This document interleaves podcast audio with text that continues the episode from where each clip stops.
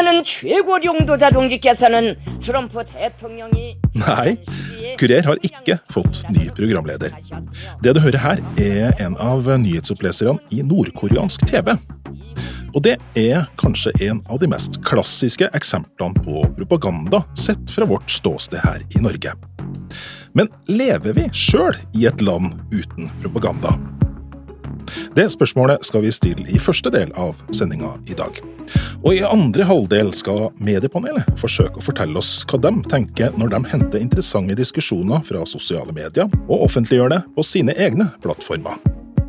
Jeg heter Lars Erik Ertsgaard Ringen, og du hører på mediemagasinet Kurer.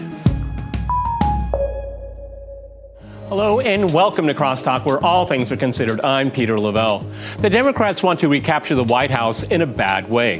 Their hatred of Trump, with the help of the liberal mainstream media, has witnessed presidential candidates say Det kan være vanskelig å avsløre propaganda.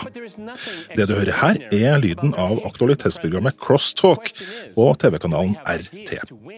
Det høres jo ut som et helt vanlig aktualitetsprogram med en amerikansk programleder. Men RT betyr Russia Today, og TV-kanalen regnes av mange som en ren propagandakanal for Vladimir Putin og Russland. Vi reiste til Høgskolen Kristiania i Oslo for å møte førsteamanuensis Bente Karlsnes, som akkurat har gitt ut ei bok om falske nyheter, for å finne ut mer om det her med propaganda. Ja, Hvis en skal se på definisjonen, så er det rett og slett bevisst manipulering av folks følelser og tanker ved hjelp av sterke virkemidler for å fremme bestemte oppfatninger og handlingsmønster. Det er en definisjon som vi kan lese i Store norske leksikon, og en har gjerne brukt ordet propaganda for å beskrive eh, forsøk på påvirkning, gjerne i, i krigssituasjoner. Og Det er et ord som vi har assosiasjoner tilbake til første og andre verdenskrig og kaldekrigen, altså der en skulle påvirke befolkninga eh, til å støtte opp om eh, krigsinnsatsen eller å ha bestemte typer oppfatninger. Men så har også det begrepet fått litt annen forståelse og betydning etter hvert som vi har fått ny teknologi også.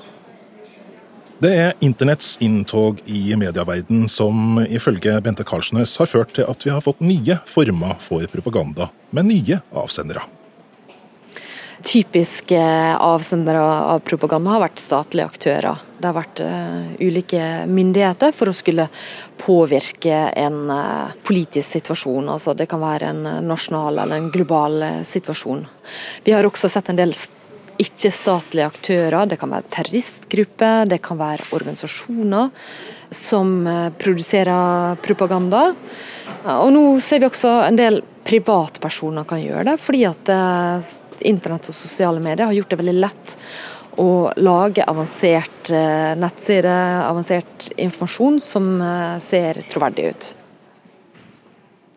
Førsteamanuensis Petter Ba Brandtzæg ved Universitetet i Oslo forteller at eh, de virkemidlene som tas i bruk i propaganda, til forveksling er lik en annen kjent bestanddel i vår mediehverdag. Men sånn er det å være i puberteten. Puberteten? Det er lite teit å si, da. God sommer, da. Takk for fine år. Propaganda er uh, egentlig ikke så forskjellig fra reklame som uh, metode, bare at uh, propaganda da handler om politikk som oftest. Og så er det ulike typer av propaganda. Du har i medievitenskapen så skiller vi gjerne mellom hvit propaganda, grå propaganda og svart propaganda.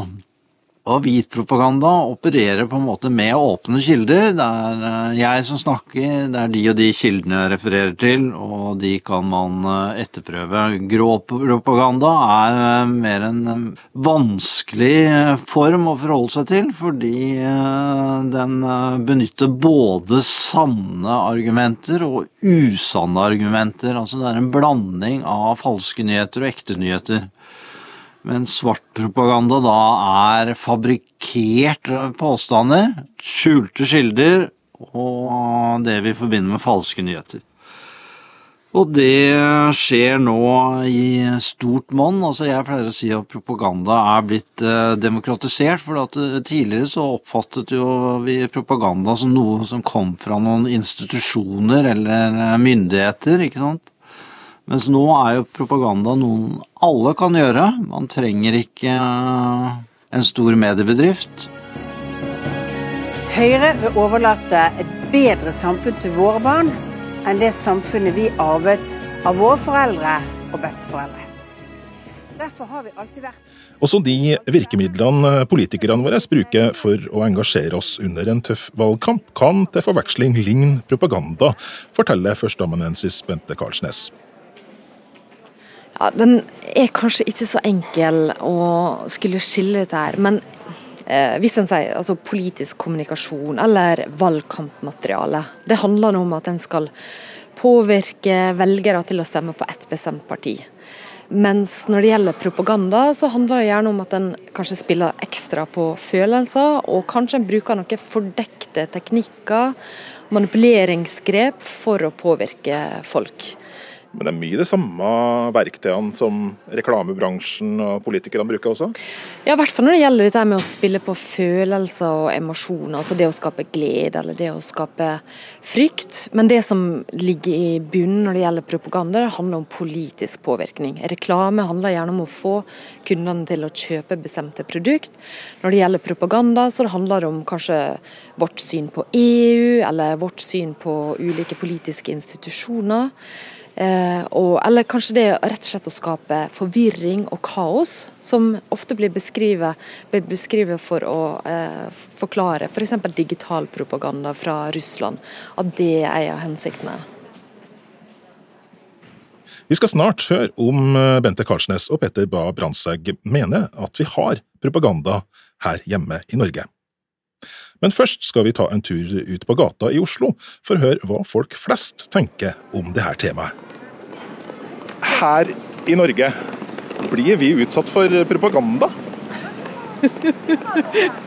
man blir vel utsatt i Norge for propaganda, sånn som man gjør alle andre steder også? Ja, det gjør du helt sikkert. Det er alltid noen som vil prøve å selge oss noe. Et budskap eller en ting. Men, men, tror du folk er bevisst det at vi blir utsatt for påvirkning? Nei, det tror jeg ikke. Det er sånn hele tida. Det er ikke så lett å skille mellom hva som er propaganda og hva som er info om et eller annet. Her i Norge blir vi utsatt for propaganda? Det blir vi. Hele tiden. Det, hva som er propaganda er fryktelig vanskelig å si. Men eh, det er jo noen meninger som er riktige og noen som er mindre riktige. og Det er noe vi har lov å snakke om og det er noe vi ikke har lov å snakke om. Tror du folk er bevisst at de blir utsatt for eh, sånn påvirkning? da? I mindre grad enn de burde, syns jeg. Blir vi utsatt for eh, propaganda, egentlig? Ah, det er et godt spørsmål. Um, det har jeg faktisk ikke noe svar på. Det kommer litt sånn an på hvor, hvor kritisk en skal være når en eh, leser ting. og på en måte ehm, For av og til så kan en jo tenke at det, ting en leser i de store avisene kanskje er dreia en, en spesiell vei. Um, så for å få oss til å tro ting, eller til å mene ting, kanskje. Og som du hører, var de jeg møtte på Karl Johans gate i Oslo enige om at vi ikke er beskytta mot propaganda her i Vesten og i Norge. Men hva mener ekspertene? Ja, det er jo propaganda i Vesten, og det er jo da en myte at det ikke er det. Jo, vi blir jo påvirket, eh, vi som alle andre, og andre prøver å påvirke oss. Men ikke sant, du har ikke denne ensidige propagandaen da, som du finner f.eks. i Kina. Ikke sant? Her er det jo mange aktører som prøver å påvirke oss. Jeg tenker at eh, det har nok endra seg etter vi har fått internett og sosiale medier, og offentligheten er global på en helt annen måte. Informasjonsflyten eh, går ekstremt raskt, og at vi forholder oss til informasjon fra alle mulige kanter av verden. Så at uh, vi også får informasjon i sosiale medier som vi ikke er bevisst hvor det kommer fra, og at det kan være manipulert eller forfalska informasjon som for oss kan være vanskeligere å oppdage. Så det er ikke sånn at fordi at vi bor i Norge og vi er et lite språksamfunn, at vi er fullstendig skjerma for uh, den type påvirkning fra propaganda. For to år siden var vi i Kurer i Tromsø for å se om folk der kjente seg igjen i det mediebildet riksmediene i Norge gir av vår store nabo i øst, Russland.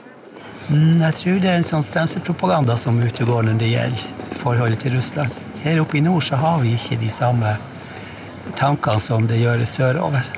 Det er vel eh, haussa opp ei stemning eh, som gjør at det blir sånn på den måten.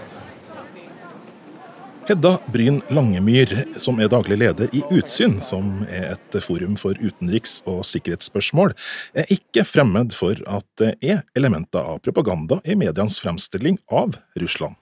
Om det er å eh, manipulere eh, en befolkning gjennom mediene for å få demokratisk aksept liksom for politiske eller militære agendaer, så tror jeg helt åpenbart det. Jeg tror alle stormakter eh, driver med eh, en eller annen grad av propaganda. Det samme gjelder for, for mindre stater. Nå er jo vi plassert sånn at altså vi er nærmeste nabo til Russland, samtidig som vi er lojalt Nato-medlem og har USA som vår fremste allierte. Og det er klart at når konfliktnivået Eh, spisser seg til mellom stormaktene, så, så merker vi det veldig godt. Eh, Spesielt pga. vår geostrategiske plassering i nord.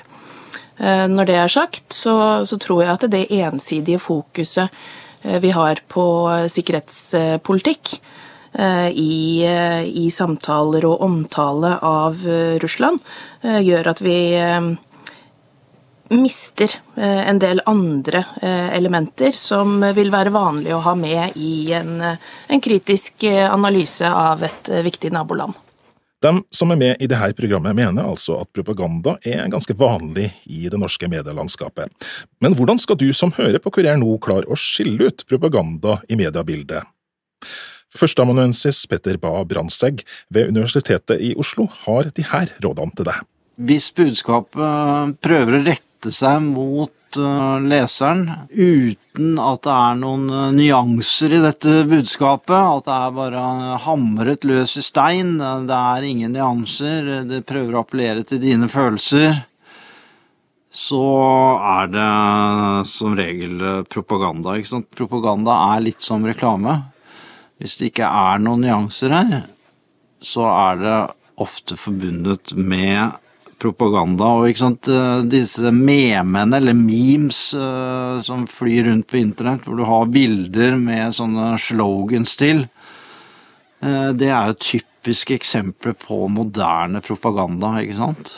Derfor må dagens medieforbrukere være utrolig kritiske da, til hva de faktisk blir eksponert for.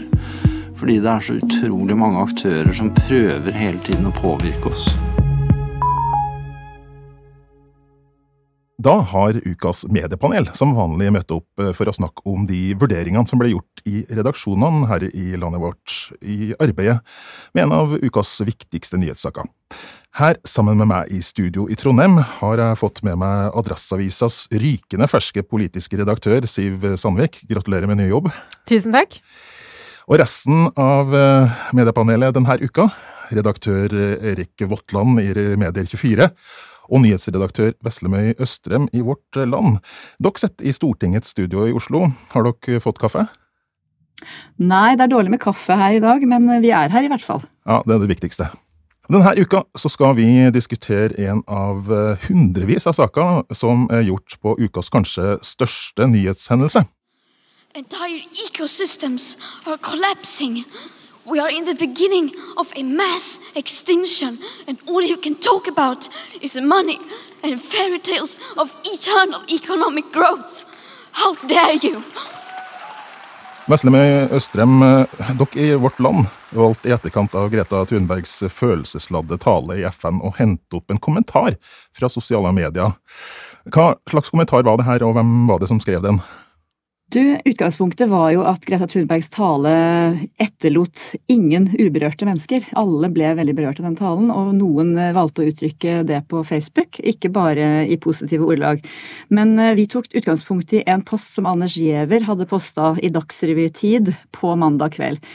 Eh, der han skrev at han håpte at 16 år gamle Greta Thunberg bare blir litt revet med av sine egne store ord, og at foreldrene hennes har gitt henne en god og trygg oppvekst hvor ingen har fått stjele barndommen eller drømmene hennes. og så Deretter så viste han til Vær varsom-plakaten 3.9, hvor man sier at man skal særlig vise hensyn til folk som ikke kan ventes å være klar over sine uttalelser. Og det var jo en post som var eh, sober og, og, og tydelig, den. Men den, den, eh, går jo rett inn i kjernen på noe som veldig mange har vært opptatt av.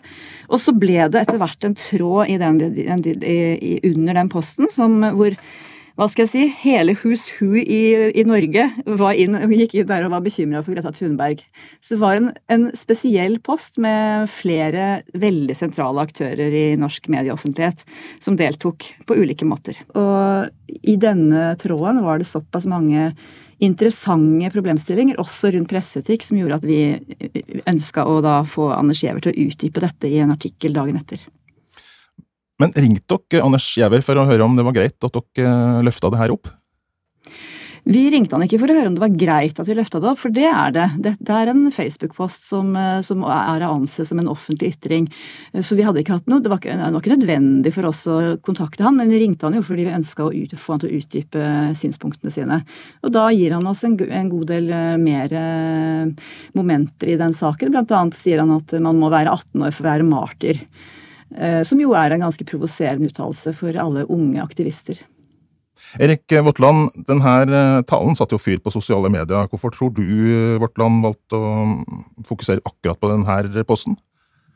Altså, jeg har et sånn inntrykk av at Kan du rope det på gata, f.eks. i Bodø, så kan det stå i Avisa Nordland. Og det er klart at hvis du altså Facebook har tatt over en vesentlig del av uh, samfunnsutviklinga. Også samfunnsdebattene havner nå i sosiale medier. Eh, og Det ville vært rart om media ikke skulle liksom løfte opp det som på en måte er den sentrale delen av, dette. Norske medier prøver jo å ta uh, debatter og aktuelle temaer på globalt nivå også hjemme. Og på en måte prøve å spinne dette videre for å sette inn i en norsk kontekst. Og når Anders Giæver sier noe, og han vet jo det, han er jo en erfaren samfunnsdebattant, så, så skjønner han jo at det også provoserer produsere. Så jeg skjønner jo godt at eh, Vårt Land velger å lage journalistikk eh, på det. Men hva tenker du generelt om at eh, mediene stadig ofte bruker sosiale medier som kilde på denne måten?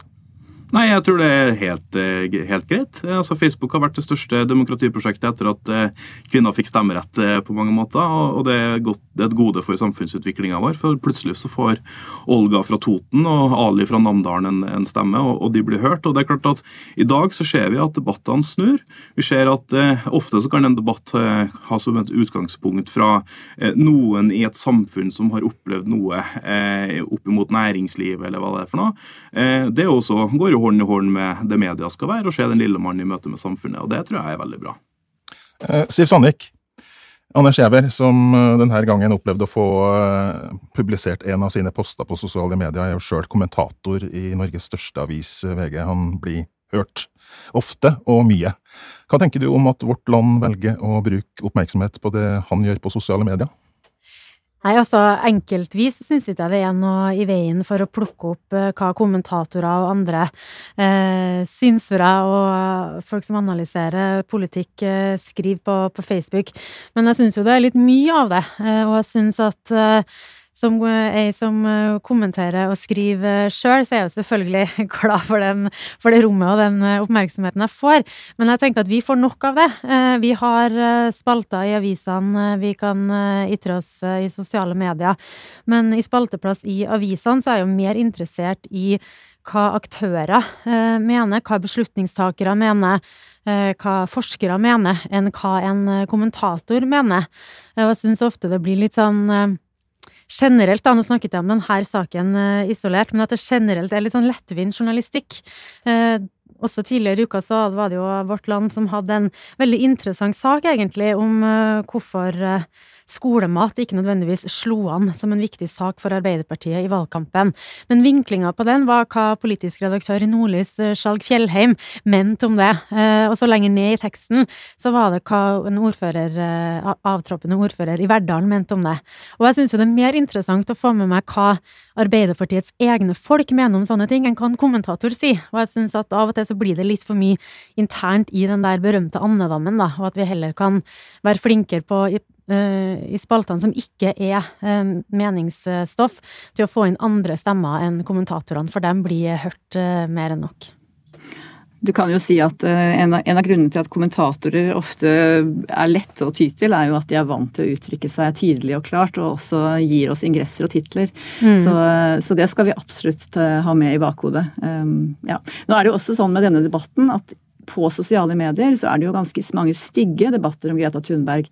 Så vi har vært opptatt av å finne en litt annen vinkling på, på, den, på den, tematikken og prøve å problematisere liksom den, det, det, å være en ung aktivist og stå i en sånn enorm storm. Eh, og så syns jeg vi godt kan diskutere hvorvidt vi lykkes med det i vår journalistikk, men det har i hvert fall vært intensjonen. Men hva er utfordringa med å bruke sosiale medier som kilde på denne måten?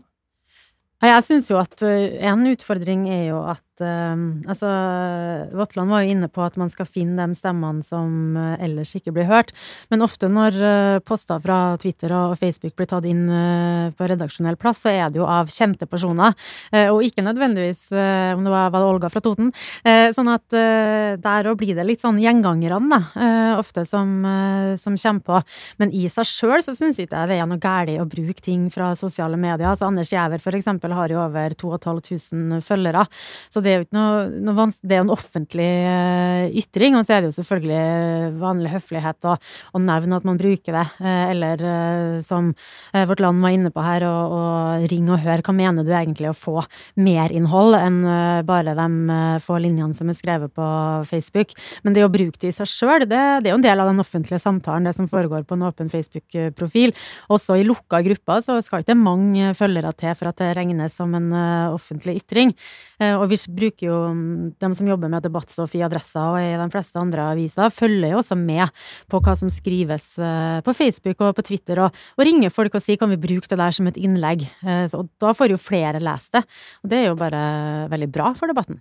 Skal de som sitter og hører på Kurer nå være klar over at det de skriver på sosiale medier, i prinsippet kan bli plukka opp av et Eh, redaktørstyrt media? Ja. ja. absolutt. Det må de være klar over. fordi eh, det er jo også lovfesta at eh, etter mer enn 50 følgere, så er det å betrakte som en, som en offentlig samtale.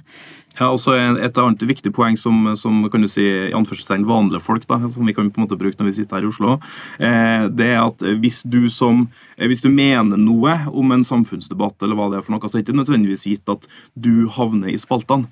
Eh, det kan jo f.eks. være at eh, media velger å ta en telefon til deg for at du ikke er en medietrent person, for å høre hva var det du egentlig mente, er det en aktuell kontekst her, eh, og den type ting. Så jeg tror ikke, altså, Vi må ikke sitte igjen med et inntrykk av at hvis du skriver noe, så kan det havne i avisa, for det er liksom det, det, er litt sånn skremselsbit som er liksom Det er det motsatte av det jeg ønsker å oppnå i, i samfunnsdebatten, for å si det sånn. Ja, også til det. Jeg har jo henta mange Facebook-poster da jeg jobba som journalist for å vise f.eks. at eh, det raser på Facebook-sida til Sylvi Listhaug. Og da er jo dem som mener de mest sterke tingene, er jo da sledda, der poenget er jo å få fram at her mener folk sterke ting, og ikke nødvendigvis eh, hva vedkommende heter. Og hvis jeg skulle ha brukt det, så måtte jeg jo ha ringt vedkommende og informert, f.eks.